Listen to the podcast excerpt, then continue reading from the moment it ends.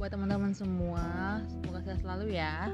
Oke, jadi kali ini kita mau kenalin diri dulu nih. Nama aku Ayu Rasmita. Dan aku Devani Yunifa. Kita berdua dari mahasiswa ekonomi Universitas Sumatera Utara. Nah, kali ini kita mau sharing tentang bagaimana sih entrepreneur itu di masa pandemi selama setahun ini. Tapi sebelum kita membahas lebih jauh, kita ketahui dulu nih apa yang dinamakan kewirausahaan itu. Kewirausahaan atau entrepreneurship merupakan suatu sikap atau kemampuan seseorang dalam melakukan atau menciptakan sesuatu yang baru dan memiliki keunikan yang dibuat secara kreatif dan inovatif yang memberikan manfaat bagi orang lain dan memiliki nilai tambah.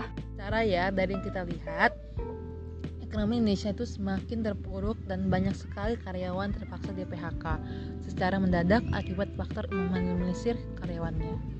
Maka dari itu, banyak tantangan yang harus dihadapi oleh pebisnis tersebut. Salah satunya dengan mentaati peraturan pemerintah dengan mengurangi jumlah pengunjung hingga 50% dari yang semestinya karena tindakan jaga jarak.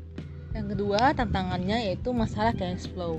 Banyak pelaku UMKM merasakan pendapatan menurun akibat tidak adanya pelanggan yang membeli produk semenjak PSBB dan jaga jarak diberlakukan. Yang ketiga, Anjloknya permintaan dikarenakan ketidakpastian pasar membuat permintaan akan barang yang dijual oleh para UMKM menjadi berpengaruh. Eh, nah, dari situlah muncul ide-ide baru para pebisnis untuk memasarkan produknya dari offline ke online melalui e-commerce, seperti dengan menjual masker kain dengan berbagai motif dan tidak ketinggalan juga face Yang ramai juga adalah bisnis kuliner hingga bisnis tanaman, minuman jahe, akar bambu dan ternak lele. By the way, kalau boleh tahu, Ayu pernah nggak sih memiliki ide untuk membuka usaha bisnis selama pandemi COVID-19 ini? Tapi kadang ada juga kendala orang untuk memulai usaha, seperti adanya ketakutan akan rugi atau bangkrut. Nah, di situ dia berpikir untuk ah nanti aku mau buka usaha ini takutnya nggak laku gitu atau sayang. Usaha udah dijual kan. Terus yang kedua itu merasa tidak memiliki masa depan yang pasti dalam berusaha. Nah dari, dari sini tuh uh, dia tuh, tuh berpikir uh, udah minder gitu loh. Kayak uh, belum apa apa udah udah berpikir ke depannya ah, bakal nggak laku gitu. Nah dipikirnya kalau misalnya buka usaha itu ah nggak ada masa depan yang yang cerah terus nggak nggak buat jadi kaya gitu gitu kan. Nah yang ketiga itu merasa bingung di mana harus memulainya.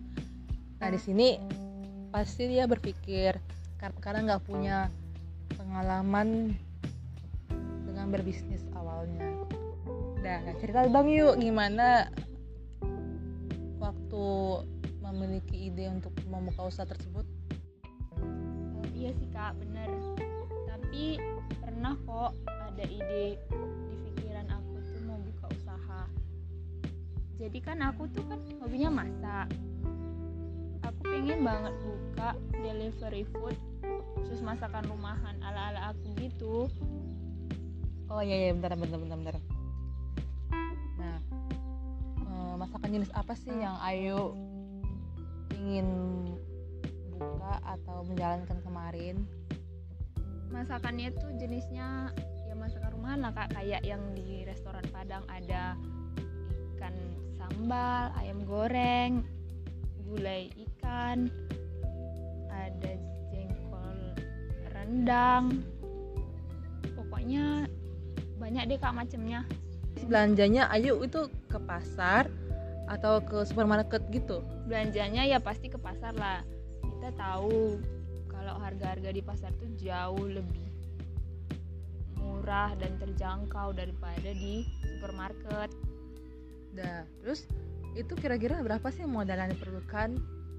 Kira-kira menurut Ayu untuk menyalurkan usaha itu? Setahu aku ya kalau udah di total-totalin gitu kira-kira sampai sih 500 ribu per harinya. Secara kan apa-apa mahal kak. Bahan-bahan masakan juga nggak tahu kenapa naik terus. Sedangkan sebenarnya ekonomi masyarakat itu menurun karena banyak yang di PHK juga kan? Iya sih boleh juga sih ya. Ya Kak. bagaimana ayo memasarkannya? Eh, memasarkannya? Eh, intinya sih yang paling berpeluang besar itu kan ya dari online sih di masa pandemi ini secara kan kita tahu tahu lah gimana orang-orang Indonesia ya- yang sebelum pandemi aja males gitu keluar untuk beli makanan.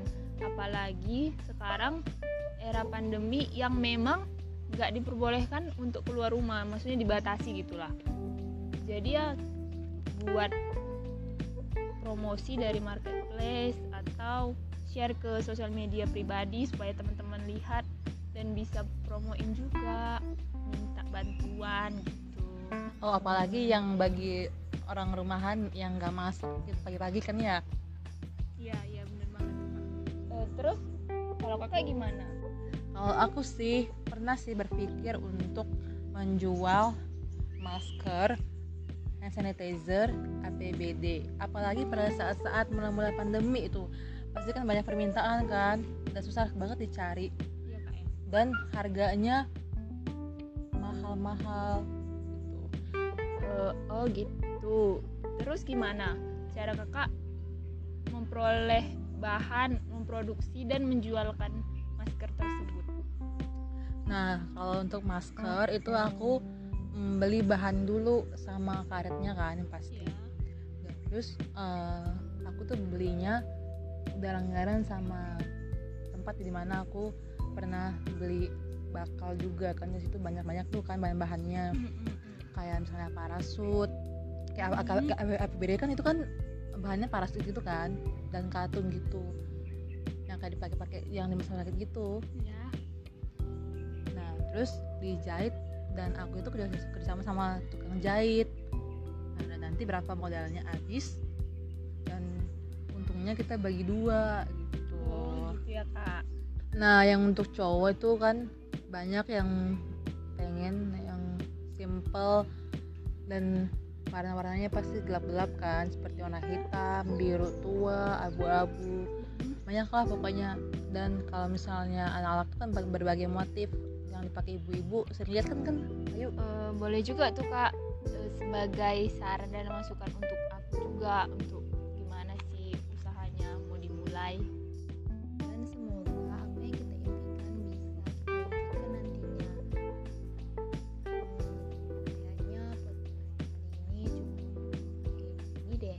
Oke teman-teman, thank you banget udah dengerin podcast kita kali ini. Semoga ini bisa bermanfaat dan menginspirasi teman-teman sekalian. akhir kata pergi ke kampung jalan terbelah pohon jatuh awas menimpa Jika ada salah kata, maafkanlah. Wassalamualaikum dan sampai, jumpa. bye bye